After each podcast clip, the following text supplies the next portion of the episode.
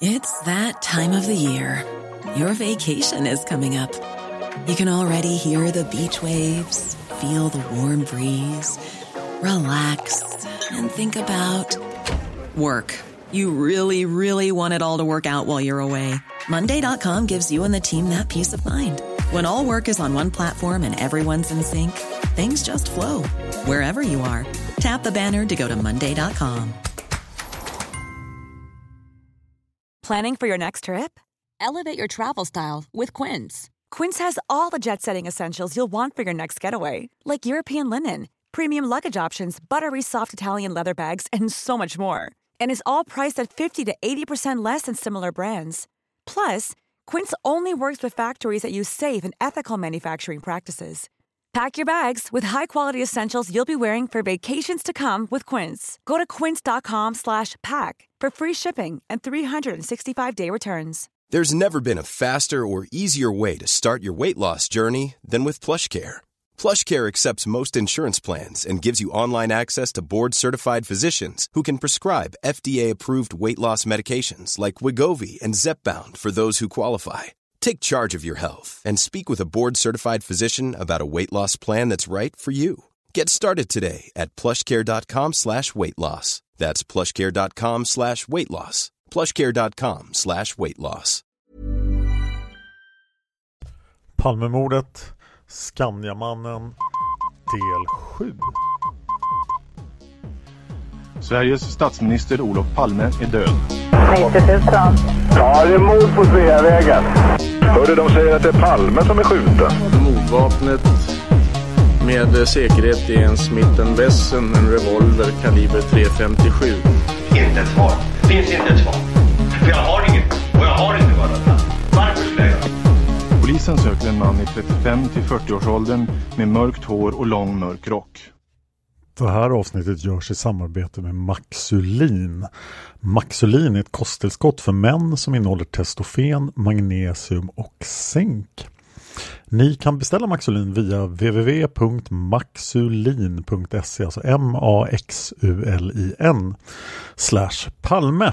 För då deltar ni i en tävling där alla som har beställt Maxulin har chans att vinna en resa till Stockholm med Palmevandring med mig som guide. Och trots sponsorer och liknande så görs den här podden huvudsakligen med hjälp av er. Det är ni som sponsrar podden via patreon.com palmemordet. Avsnitten om Skandiamannen del 1 till 6 som jag gjorde 2016 är några av de populäraste avsnitten jag har gjort. Jag har länge planerat att göra ett Skandiamannen del 7. Jag har hämtat in uppgifter från folk. Jag har haft folk som har grävt. Jag har haft folk som har gjort intervjuer. Och eh, ja, avsnittet var sisådär halvfärdigt och jag funderade på nu behöver jag någonting mer. Men så hände plötsligt någonting. Den 23 maj 2018 samma dag som vi publicerade avsnittet Börje Wingrens revansch del 2 så släppte magasinet Filter en artikel och det är den vi ska prata om i det här avsnittet. Artikeln är skriven av Thomas Pettersson för tidningen Filter då och börjar med att säga efter 12 års efterforskningar fann journalisten Thomas Pettersson vad alla tidigare gått bet på. Det här är berättelsen om Skandiamannen och mordet på Olof Palme. Redaktören för Filter var också inblandad. Hans namn är Mattias Göransson. Jag och Tobias har pratat med Thomas Pettersson och Mattias Göransson vi har kontakt med dem. Vi har föreslagit att de ska vara med i podden. Vi håller på att försöka hitta en tid, förmodligen mot slutet av sommaren efter semestern och så. De är försiktigt positiva till att vara med i podden så att det här behöver nödvändigtvis inte vara det sista avsnittet om Skandiamannen.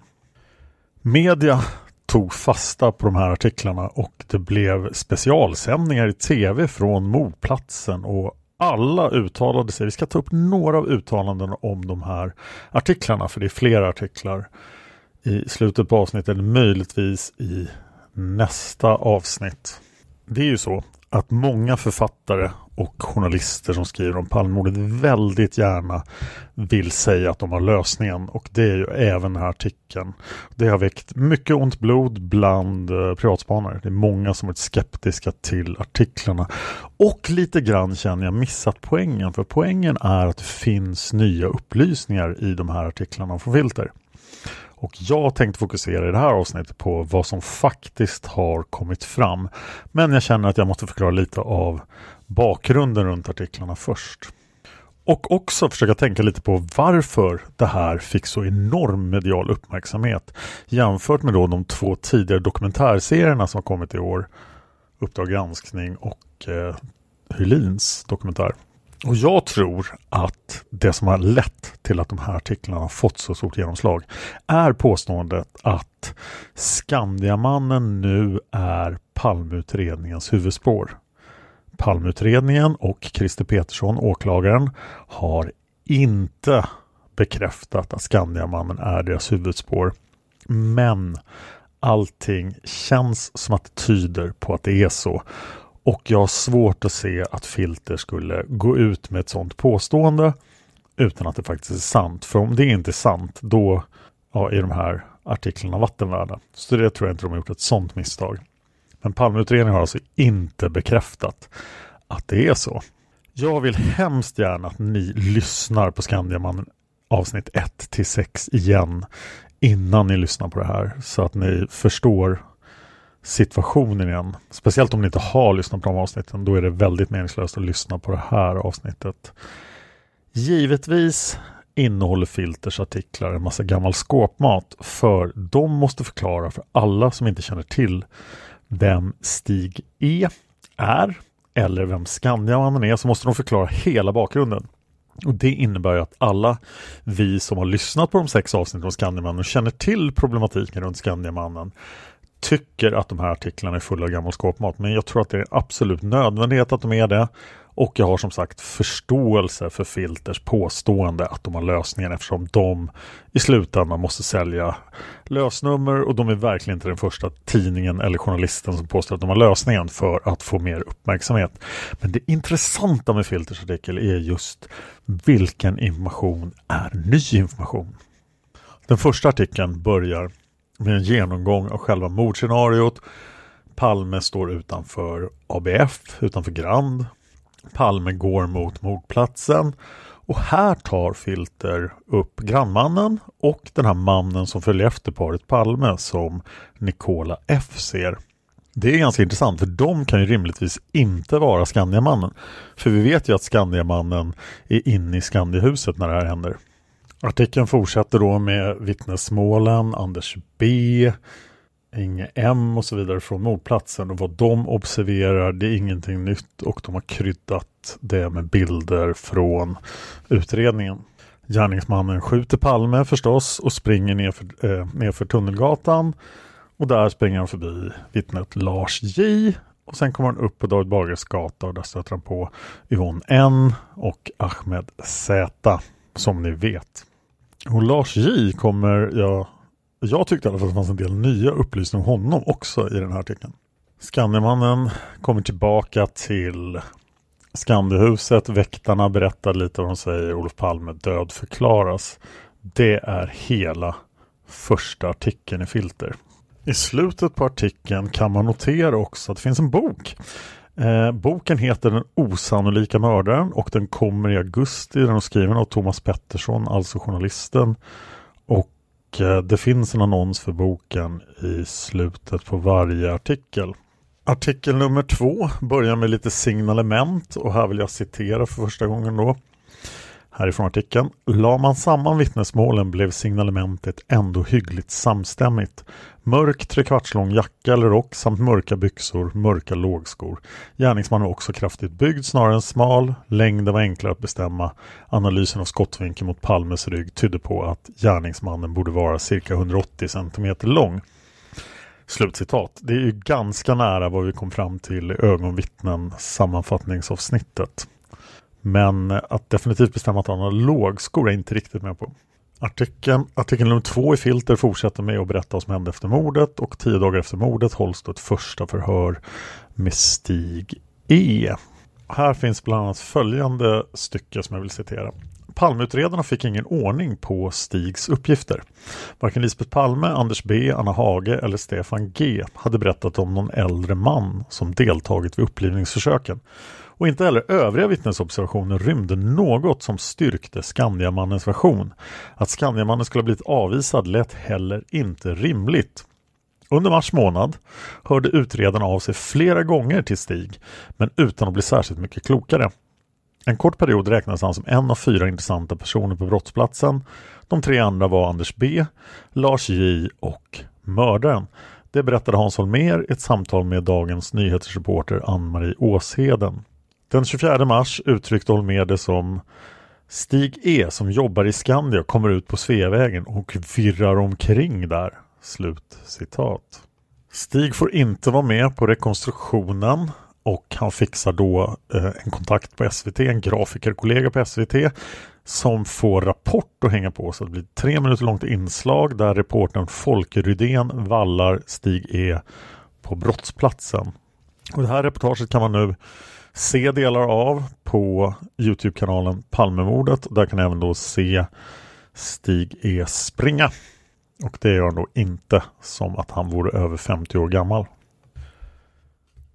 Reporten konstaterar också att under hela rapportinslaget så har inte Skandiamannen sin bruna handledsväska som tydligen arbetskamrater och vänner betraktar som hans signum. Det hade inte jag tänkt på när jag såg reportaget första gången. Stig ger ständiga kängor till polisen. I Expressen skärpte han kritiken mot polisen som han tyckte uppför sig som glada amatörer i den här allvarliga utredningen. Journalister och allmänheten började ifrågasätta Palmeutredarnas hantering av mordet och läsare och tittare i Expressen eldades på av Stig Es kritik.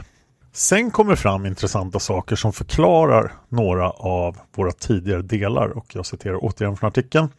Någon vecka efter Skandiamannens medieomslag kontaktade våldsrotens rutinerade spaningsledare Arne Irvell sin tidigare kollega Per H. Nu utredningsinspektör på Skandia. Per H hade jobbat 17 år inom polisen och var en erfaren brottsutredare. Arne Irvell hade tidigare frågat honom hur Skandias väktare rört sig i kvarteren runt brottsplatsen och bad nu Per H att diskret kolla upp Stig E.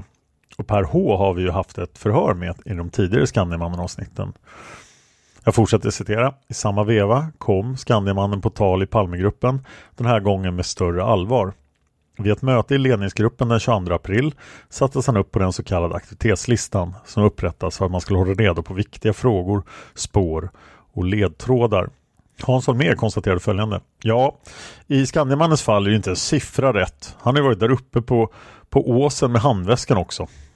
Och här får vi alltså lite nya saker av Filter. Vi får bakgrund till varför förhören kommer som de kommer. Den 25 april är det dags igen. Det förhöret har vi pratat om. Skandiamannen blir kallad till polishuset. Han fotograferas i kläderna han burit under mordkvällen. Och även hans handledsväska förhör, eh, fotograferas. Han förhörs i 80 minuter. Ja, och jag har återgett hela förhöret tidigare. Per H bedriver vid den här tiden parallell utredning inne på Skandia och talar med väktarna. Och här finns en intressant uppgift. Stig E har ju varit ute tidigare på kvällen. Och Det har varit en annan tidsuppgift på den här tiden men Anna-Lisa G, väktaren då som pratar med Per H och senare med polisen. Hon har rättat sitt uttalande enligt Filter och sagt att Stig var faktiskt ute vid 21-tiden.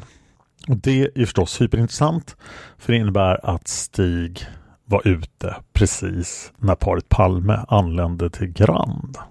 Och jag citerar återigen från Filter och Thomas Petterssons artikel. Arne Irvell och våldsroten gjorde nu bland annat extra kontroller av Stig E's närvaro på mordplatsen. Vittnet Stefan G, som själv givit den skjutne Olof Palme konstgjord andning, kallades in och fick se 15 bilder varav merparten var vittnen från brottsplatsen. Stefan G plockade säkert ut Anna Hage och Karin J. Däremot hade han inte sett Stig E. Arne Irvell delade med sig uppgifterna till Per H inne på Skandia men skulle själv inte slutföra utredningen av Stig E. För den 31 maj gick Arne Irvell i pension. Han gav Expressen en intervju där han under rubriken Mordgåtan snart löst, polisens främste spanare säker gav sin syn på spaningsläget. Optimismen gällde framförallt ett tips som sett ut att hamna i högen ej spaningsresultat som nu blivit högintressant och som stabiliserat sig de sista veckorna. Och vidare sa Arne Irvell i den här intervjun ungefär om en månad får vi nog se förspelet på upplösningen. Filter frågar sig om Arne Irvell syftade på Stig E. Arne är inte livet men sonen Peter har uttalat sig och han säger jag minns det där Arne var nog allmänt positiv till möjligheten att lösa mordet med tanke på personalresurser. Artikeln är nog ganska hårt vinklad. Men enligt Filter var då Skandiaman högintressant för Arne Irvell. Observationer från brottsplatsen tillsammans med Per Hs uppgifter var starkt besvärande. Peter Irvell säger Arne ansåg att det var självklart att Skandiamannen skulle utredas. Arne ansåg att Stig E skulle förhöras, inte bara i egenskap av vittne. Sen får vi reda på att Per H faktiskt skrivit en promemoria till polisen den 5 juni 1986 om vad han har fått fram då under sin egen utredning. Han kompletterade sina egna uppgifter med sånt han fått höra från Arne Irvell. Bland annat att övriga vittnen på mordplatsen inte har sett Skandiamannen. Däremot hade tre av de mest centrala vittnena lämnat ett signalement på gärningsmannen som stämde in på Stig E. Hans Holmér under tiden pratar med Ann-Marie Åsheden i smyg och säger då följande. Sen har vi då Stig E i Skandiahuset. Hans uppgifter stämmer inte om vad han gjorde på kvällen. Han säger att han har varit inne på Skandia hela kvällen. En vittnesbevis säger att han kommit in vid 21-tiden. Troga på allt elände verkar det som att han känner Lars J. Och Lars J är tydligen en knepig figur sexuellt. Han ger undanglidande svar när man pratar runt om han träffat tjejer. Han blev klart störd. Så de där vana utredarna sa att det var något knepigt med den där killen. Och samma sak gäller Skandiamannen. Han är eventuellt tvåkönad. Nu ska vi tala med honom. Ja, och det här ska då Hans Holmér ha sagt till Ann-Marie Åsheden. Eh, Filter kommenterar att Stig skulle vara hermafrodit var en uppgift som hade förvanskats i flera led och härstammade då från en drygt fyra år gammal artikel i Svenska Dagbladet om könsroller och det var det här som ledde till att eh, Stig E blev eh, världens androgynaste man eller Sveriges androgynaste man. Men det verkar som att Hans Holmér hänger fast vid någon variant där Skandiamannen Lars J har stämt en romantisk träff. Och det är därför Lars J smyger omkring i, på Lundsmagargatan. Och eh, ja, va? Filter säger det kunde i så fall både förklara varför Skandiamannen totat ihop en så felaktig berättelse och lösa utredarnas bekymmer med Lars J. För honom blev man heller inte riktigt klok på. Och jag vill verkligen poängtera att det är inte jag som påstår att Skandiamannen och Lars J hade någonting ihop det, utan det är lite luddigt tycker jag, men det verkar som att det är någonting som Holmér hade fått för sig helt enkelt. Lars J kommenterar faktiskt alla de här påståendena. Så här har det varit för mig genom åren, säger Lars J. Jag är den sortens person folk påstår saker om. Men det är alltid människor som inte känner mig. Hans Holmér var inte glad på Stig. Han var citat en surrande fluga Holmér inte kunde bli av med. Vittne, möjligtvis. Gärningsman, nej inte alls. Historien råkade bara vara fylld av sammanträffanden. Och Hans Holmér sa till Ann-Marie Åsheden Stig E är lite knepig som person. Det är alltid så att när man får knepiga personer med ett fisknät så här så spelar det ingen roll om de är oskyldiga för de stökar till det så vansinnigt. Förhören med väktarna och den personalansvarige Roland B på Skandia börjar den 9 juni 1986 och de bekräftar mångt mycket då de uppgifter som Per H redan hade rapporterat om i sin promemoria. Och här kommer några nya uppgifter då, för det blir ju ingenting som ni vet. Eh, det blir ingen stormning av Skandiamannens rum och inget genomsök från Per H och hans personal. Filter säger Kort sagt framkom inget som plockade bort några frågetecken, snarare tvärtom. Men Skandiamannen kallades inte ens till något nytt förhör. Detta fick den nypensionerade Arne Irvell att undra över sakernas tillstånd. Sonen Peter säger Arne höll kontakten med sina kollegor första tiden efter pensioneringen. Men ganska snart förstod han att det inte alls var populärt att han kom och la sig i. Även inne på Skandia grubblade man över polisens prioriteringar. Säkerhetschefen Hans-Olof O sa Jag tycker det är konstigt att utredarna inte talade med några officiella företrädare för Skandia som jag själv och VD Björn Wollrath. Jag höll en låg profil. Jag ansåg att det var polisens uppgift att utreda det där. Men starkast reagerade utredningsinspektören Per H som blivit övertygad om att Stig E faktiskt var gärningsmannen. Men med Arne Irvell borta från spaningsledningen hade han svårt att få gehör. Inom våldsroten påstod polisen att de var säkra på att Skandiamannen inte var gärningsman och att jag kunde glömma honom. Och Filters artikel antyder då att det som faktiskt hade hänt var att Holmer hade styrt om hela skutan mot PKK. Men vid ett möte i november 1906 ska Hans Holmer ha sagt Hur går det med Stig E? Är han avdiskad ännu? Eh, men en utredare hade svarat nej. Skoglund håller fortfarande på. Han ska besöka hans arbetsplats. Det här är långt efter början av juni då, så att det verkar konstigt. Skoglund har helt andra arbetsuppgifter. Filter säger Exakt vad som åsyftades är oklart. Det finns ingen skriftlig rapport om vad Erik Skoglund kom fram till gällande Stig E. Och kommissarien själv lider sedan länge av demens. Inom våldsroten fanns hur som helst ett fortsatt intresse för Skandiamannen. Chefen Nils Linder tyckte att spåret var intressant med hänvisning till den pensionerade Arne Irvell. Men Holmer, han jagar kurder.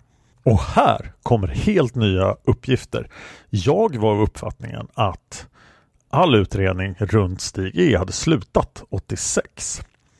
Men Filter kan berätta att i slutet av januari 87 gör åklagarna Bo Josefsson och Claes Seime ett försök att blåsa liv i utredningen och de plockar upp uppslag som lagts på is just i juli 86 när det blev kurdfokus. Josefsson ska ha sagt i en DN-artikel.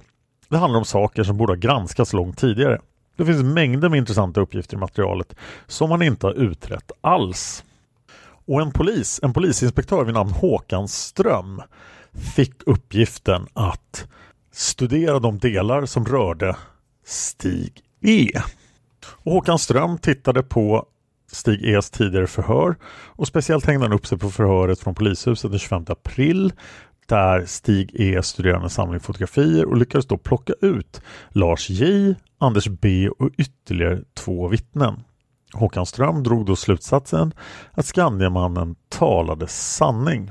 Men en av de två andra då som Stig E pekade ut satt i en bil på andra sidan gatan och var aldrig synlig vid mordplatsen.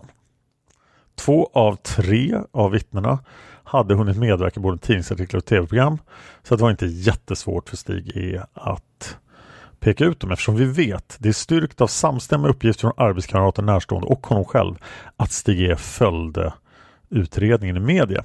Stig E ska också sagt i ett brev till en av sina vänner att han hade samlat material, mest tidningsurklipp, i en maffig stor flyttkartong. Filter noterar också att eh, Stig E känner till att Lars J existerar när han inte borde göra det men det har vi pratat om en hel del i de tidigare Skandiamannen-avsnitten. Dessutom då existerar inte Anders B i Stigs berättelse. Men i sitt sista förhör så kan Stig E peka ut Anders B och karaktärisera honom som högljudd och märkbart berusad. Och det stämmer inte alls med vad folk har sett av Anders B för han var ju svår att få kontakt med, han var förvirrad och få ord och gömde sig i porten. Sen gör utredaren Håkan Ström det klassiska misstaget och noterar att Eh, passageraren i Chevrolet har beskrivit en man som kommit fram till bilen och varit mästrande och lite viktig. Signalementet stämde hyfsat in på Stig E och när passageraren förevisade sina foton hade han valt Stig E.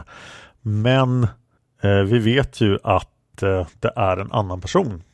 Och det är ju lite märkligt att Håkan Ström kommer till den slutsatsen för det är han själv som har hållit det här förut. Han har nämligen förhört Leif L, alltså han som kör skevan, Skevamannen i april 1986 och då frågar Håkan Ström La du märke till någon man, han frågar så skeva mannen. La du märke till någon man iklädd en mörkblå rock, keps och glasögon som tydligen var omedelbart i närheten av den här platsen när skotten föll och som sedan stannade kvar till polismännen kom till platsen. En man i 40-50 års åldern. Och Leif L svarar ja, där är man ju influerad av vad man hört och sett i media.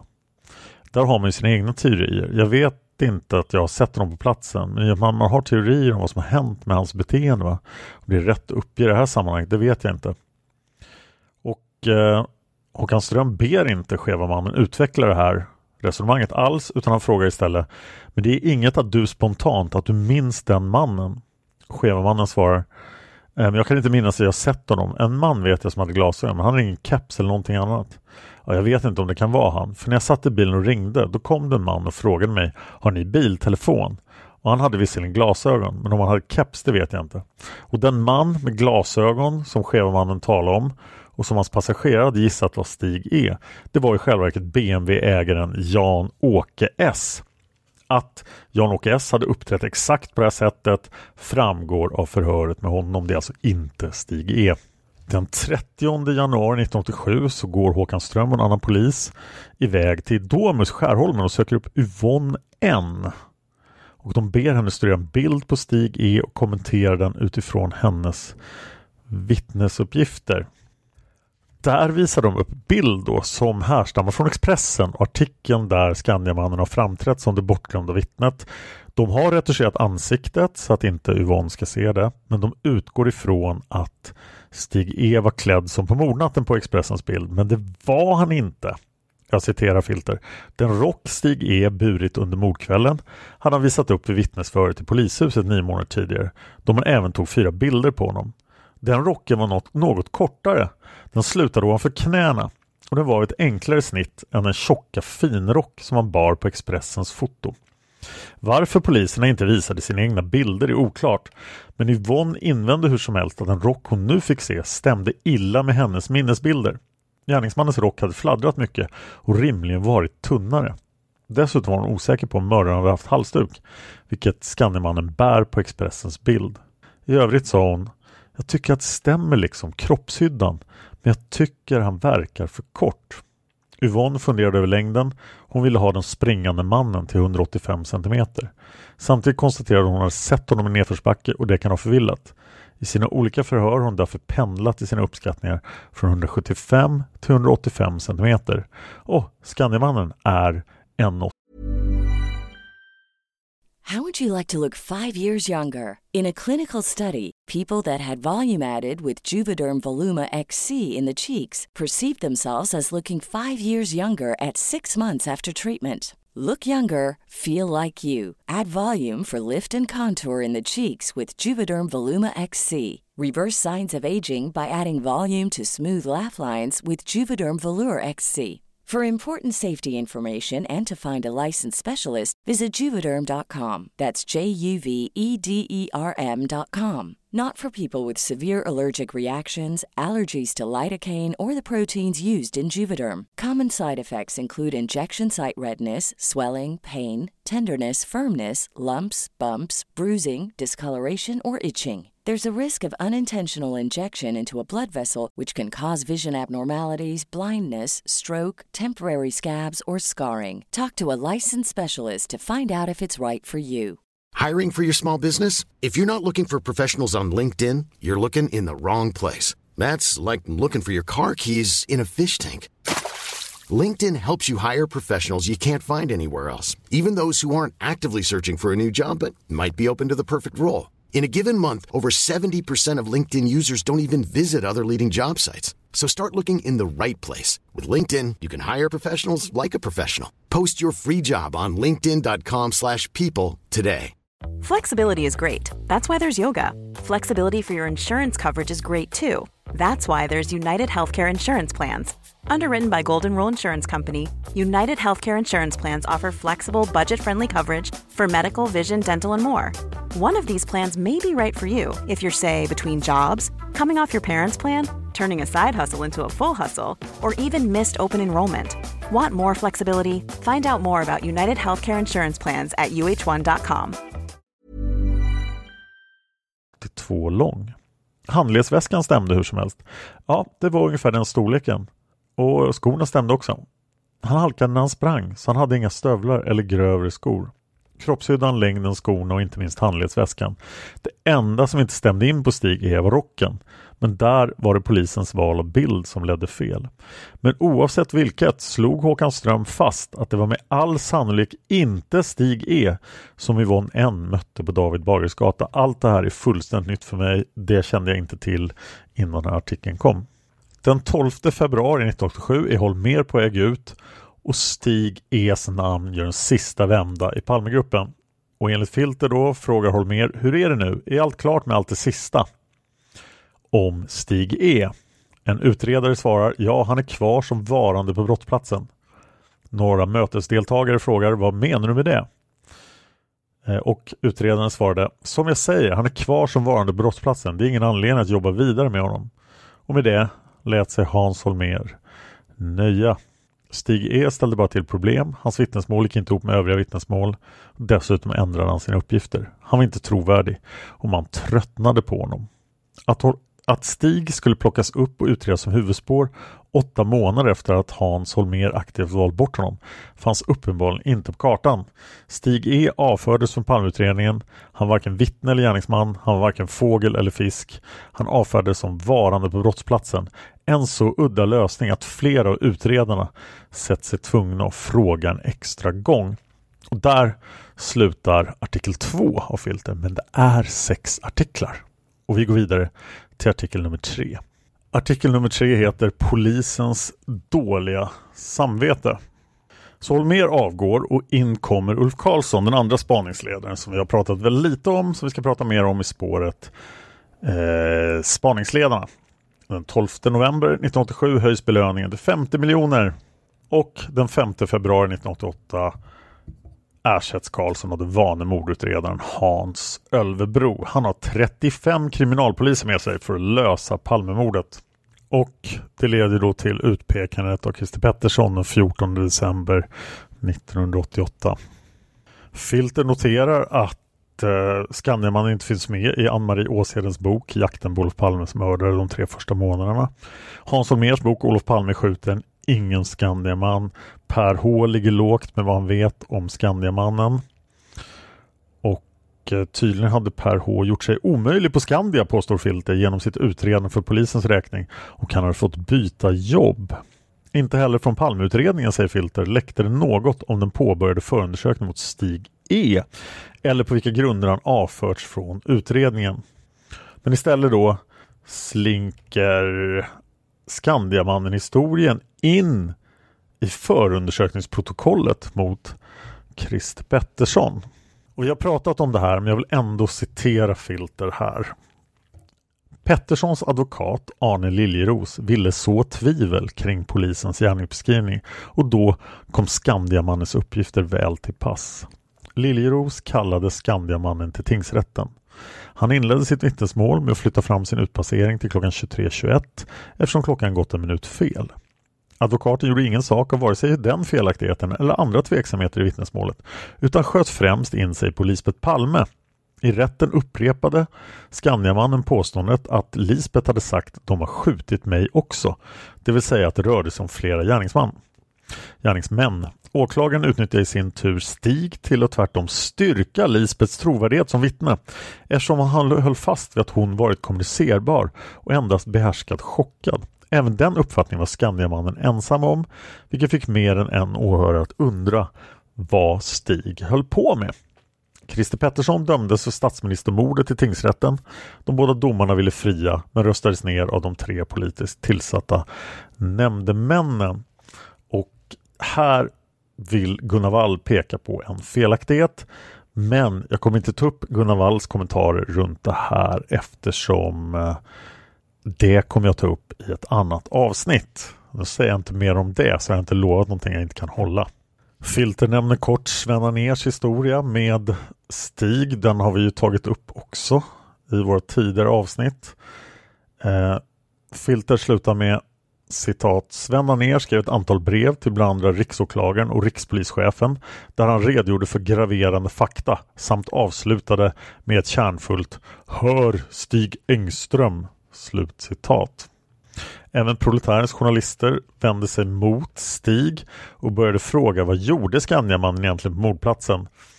och en artikel hade rubriken Fakta talar mot Skandiamannen och det var Olle Minell de här artiklarna också tagit upp.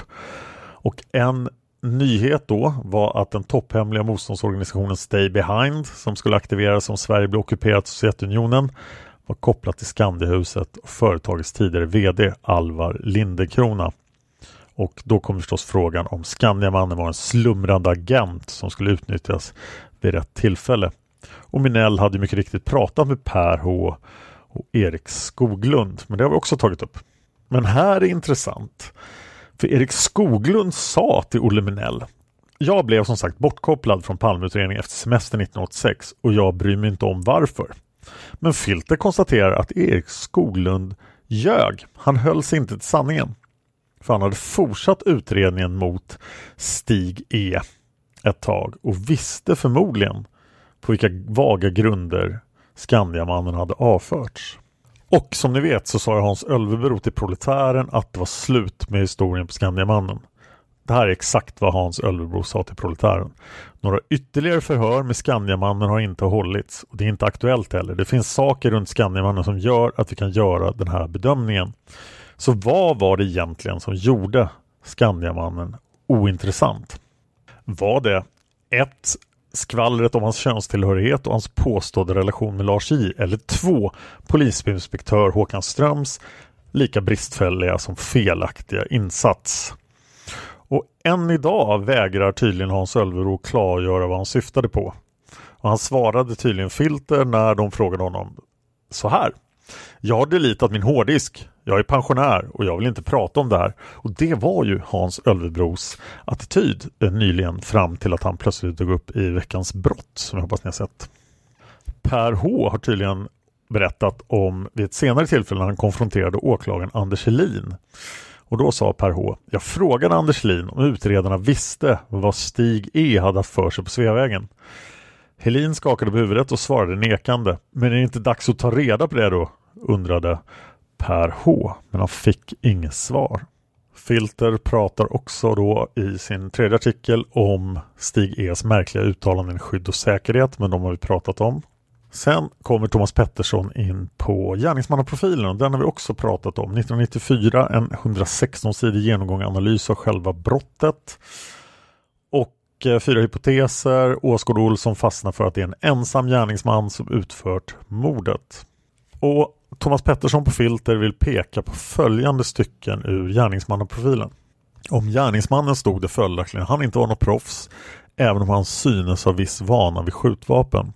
Förmodligen var han en medelålders man utan högre utbildning och med svag social position. Han antogs ha dålig ekonomi, en misslyckad yrkeskarriär, sakna familj och vara barnlös. Han bar rimligen på ett starkt samhällsförakt parat med ett agg mot Olof Palme.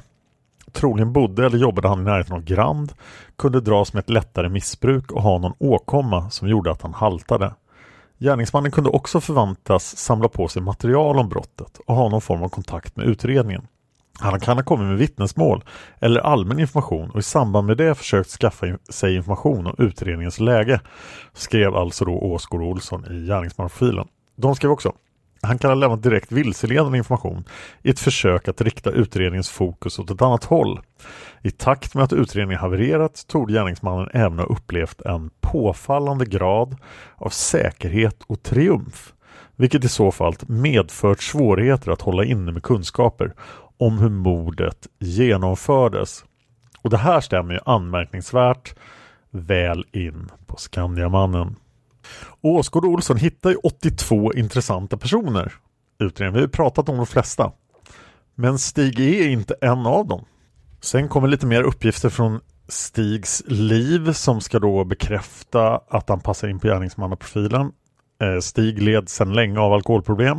I mitten av 90-talet eskalerade alkoholismen vilket ledde till att Stig förtidspensionerades. Han hade svårt att hålla ordning på pengar och hans fordringar hamnade hos Kronofogden ibland.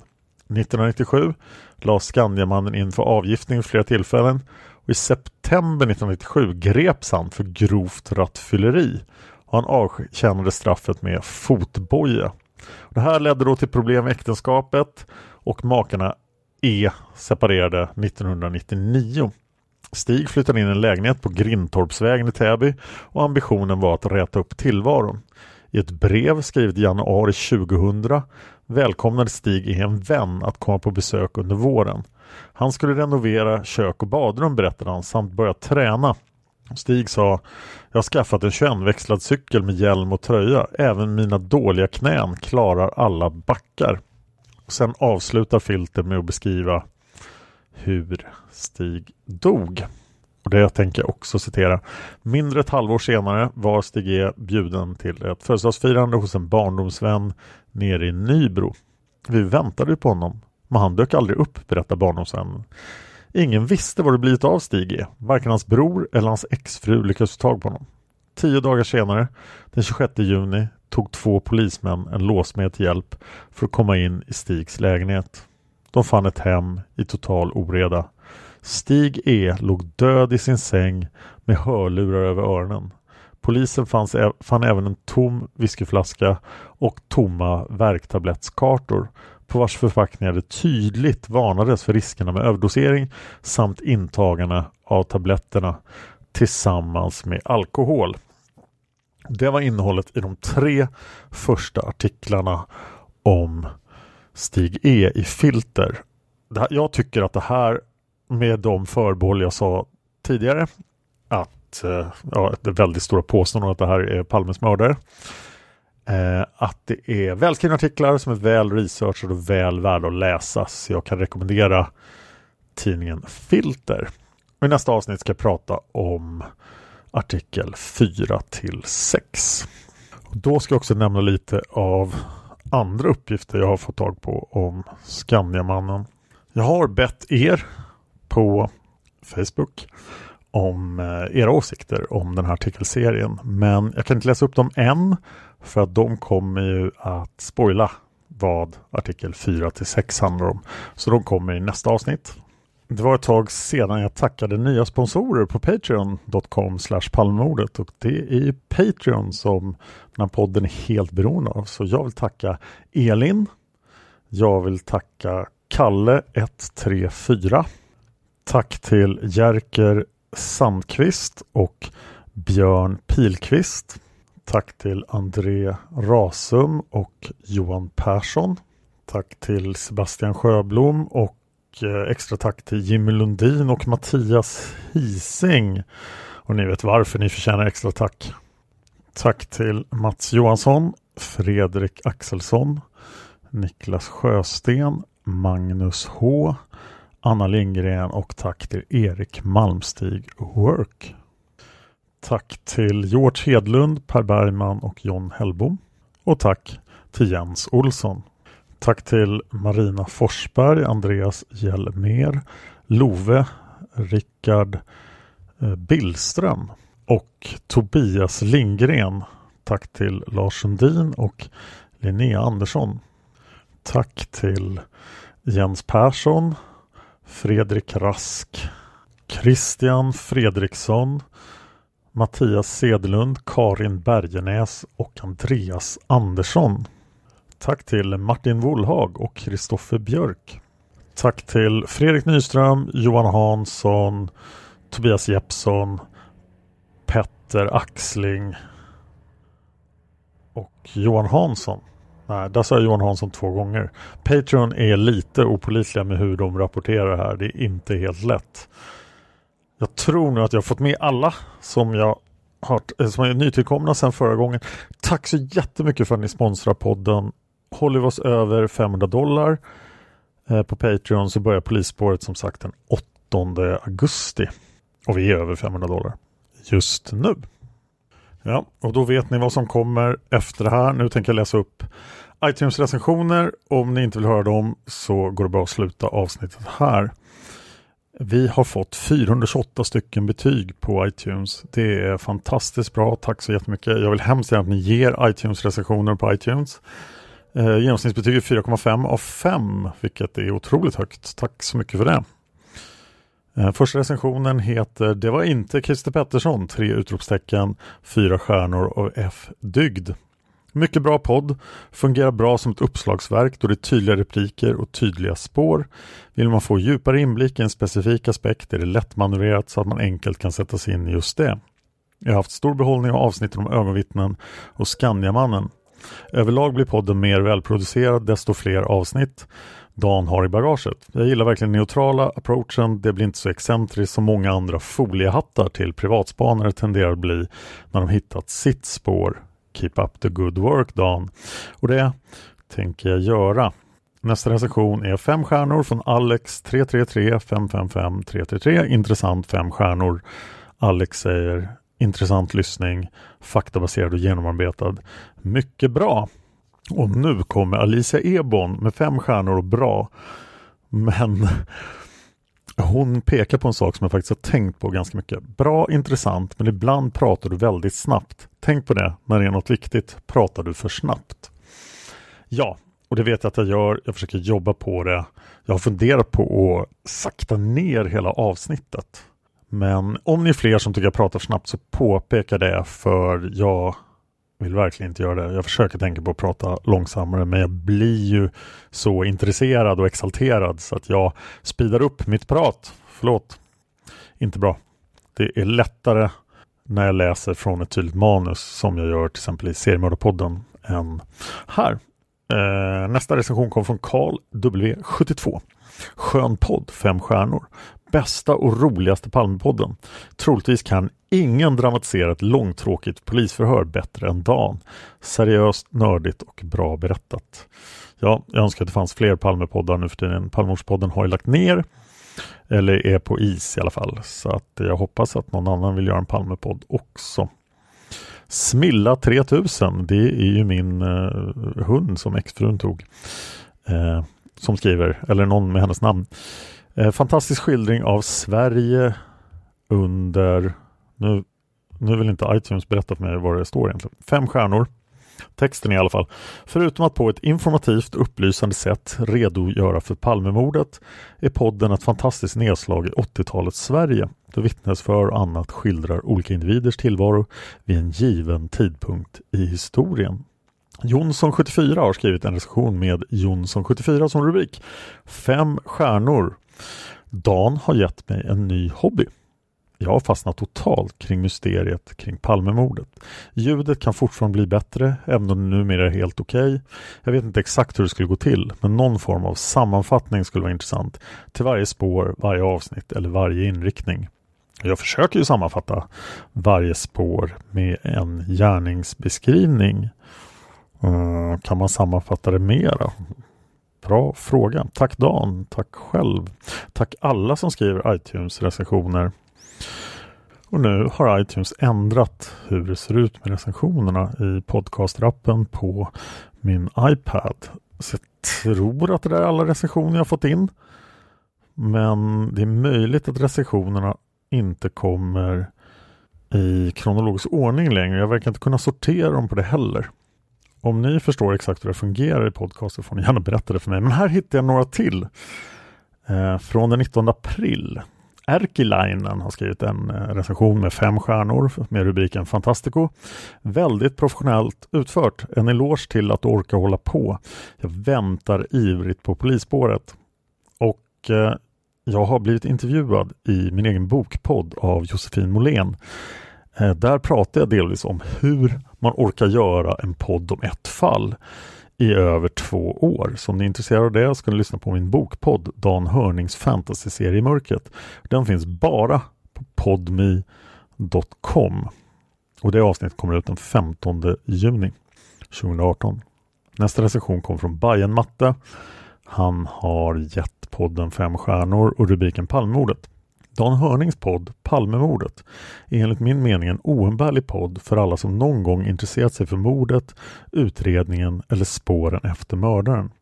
Även om man som jag läst några böcker om mordet så inser man ganska fort att allt som Dan redovisar i officiella dokument och förhör utan tvekan tillför en hel del information.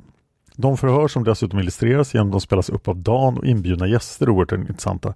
Jag hoppas på mer sånt. Alla borde bli patrons till podden. Det är en samhällsgärning som förtjänar det.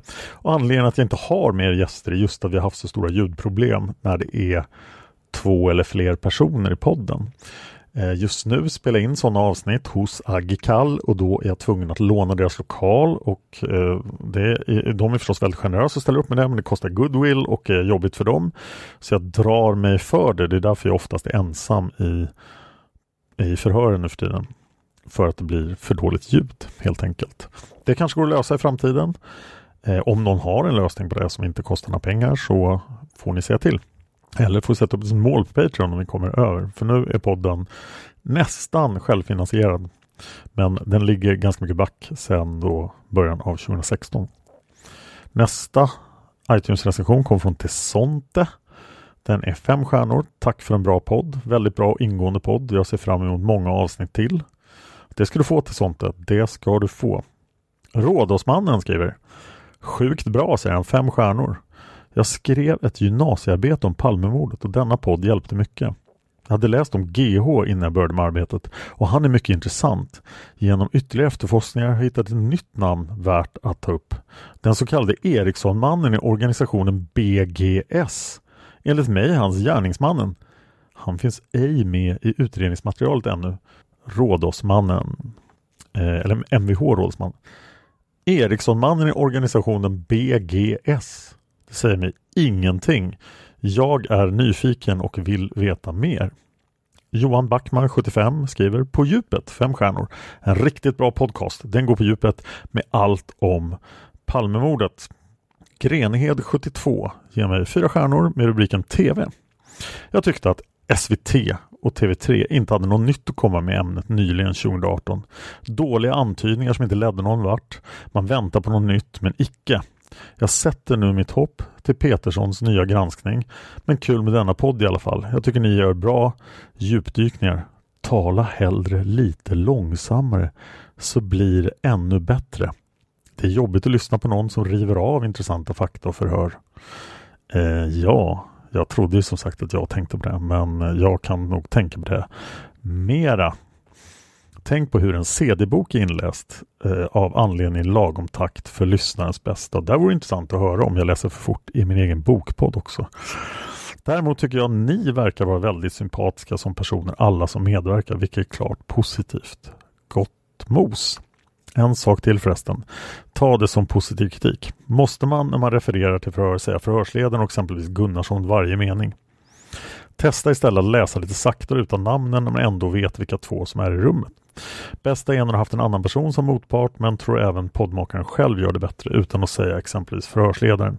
Det blir bara jobbigt och hafsigt att höra. Bara ett tips. Jag tror att det är extremt svårt att veta vem som säger vad ibland om man inte gör det. Det är därför jag gör det för tydligheten. Nästa podd säger hej svej hej, bra, fem stjärnor, grym, gillar mest när ni är minst två stycken så det blir diskussion istället för monolog. Ja, återigen, då blir ljudet som i scientologavsnittet, vilket ju ganska många klagade på. Eh, om vi inte kan hitta en studio, då kan vi göra ljudet som i panelavsnitten och där har också ljudet blivit mycket sämre än till exempel det här avsnittet. Eh, trots att vi faktiskt har en ljudtekniker där och eh, en professionell studio. Nästa Eh, rubrik kommer från Sorran SM. Eller nästa iTunes-recension, Sorran SM. Mycket bra podd, fem stjärnor. Jättebra podd, tack för det. Men sista tiden känns det som att fokusera mycket på en enskild misstänkt eller objekt, till exempel Viktor Gunnarsson-spåret. Tack Dan. Ja, det är sant, det gör vi och det är meningen. Det finns fem stora spår och de kommer vi att gå på botten med. Vi är inte alls klara med Viktor Gunnarsson. Det kommer bli ett massa avsnitt om Eh, polisspåret, inte lika många som Viktor Gunnarsson. Det kommer bli avsnitt om Sydafrika, det kommer bli avsnitt om PKK och då kommer det bli jätte, jättemånga avsnitt om Chris Pettersson. För jag tänker ju ta upp allting som vi känner till i den här podden. Så att Viktor Gunnarsson tycker ni mycket för att det är det första stora spåret vi tar upp. Och det kommer vi fortsätta göra, speciellt nu när vi har tillgång till massor av material som inte har publicerats. Här kom samma recensioner igen. Det var alla nya recensioner sedan den 27 mars då jag senast läste upp recensioner. Tack för att ni skriver iTunes-recensioner och jag vill hemskt gärna ha fler. Palmemordet finns på Youtube, Palmemord finns på Facebook. Där bör ni speciellt gå in och likea för där ställer jag ju frågor till er som jag vill ha svar på i podden ibland och där ställer vi panelfrågorna etc. Så Facebook är bra. Har ni inget Facebook-konto, skapa ett fake Facebook-konto. Gå med och gilla bara alla mina poddar. Eh, ja, det var allt jag hade den här gången. Tack för att ni lyssnar på Palmemordet. Man hittar Palmes mördare om man följer PKK-spåret till botten. Därför att ända sedan Julius Caesars tid har jag aldrig hört talas om ett mord på en framstående politiker som inte haft politiska skäl. Polisens och åklagarens teori var att han ensam hade skjutit Olof Palme. Och det ledde också till rättegång. Men han frikändes i hovrätten.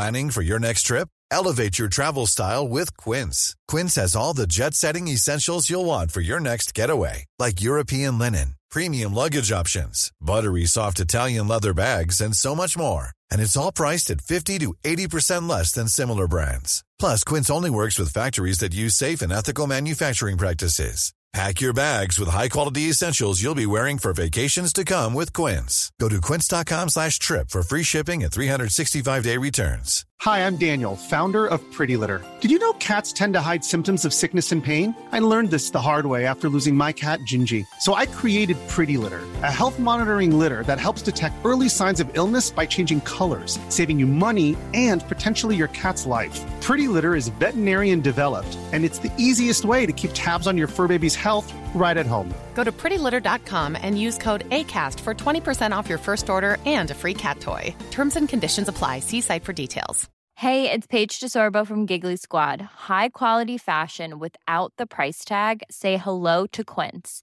I'm snagging high end essentials like cozy cashmere sweaters, sleek leather jackets, fine jewelry, and so much more. With Quince being 50 to 80% less than similar brands and they partner with factories that prioritize safe ethical and responsible manufacturing. I love that. Luxury quality within reach. Go to quince.com slash style to get free shipping and 365 day returns on your next order. quince.com slash style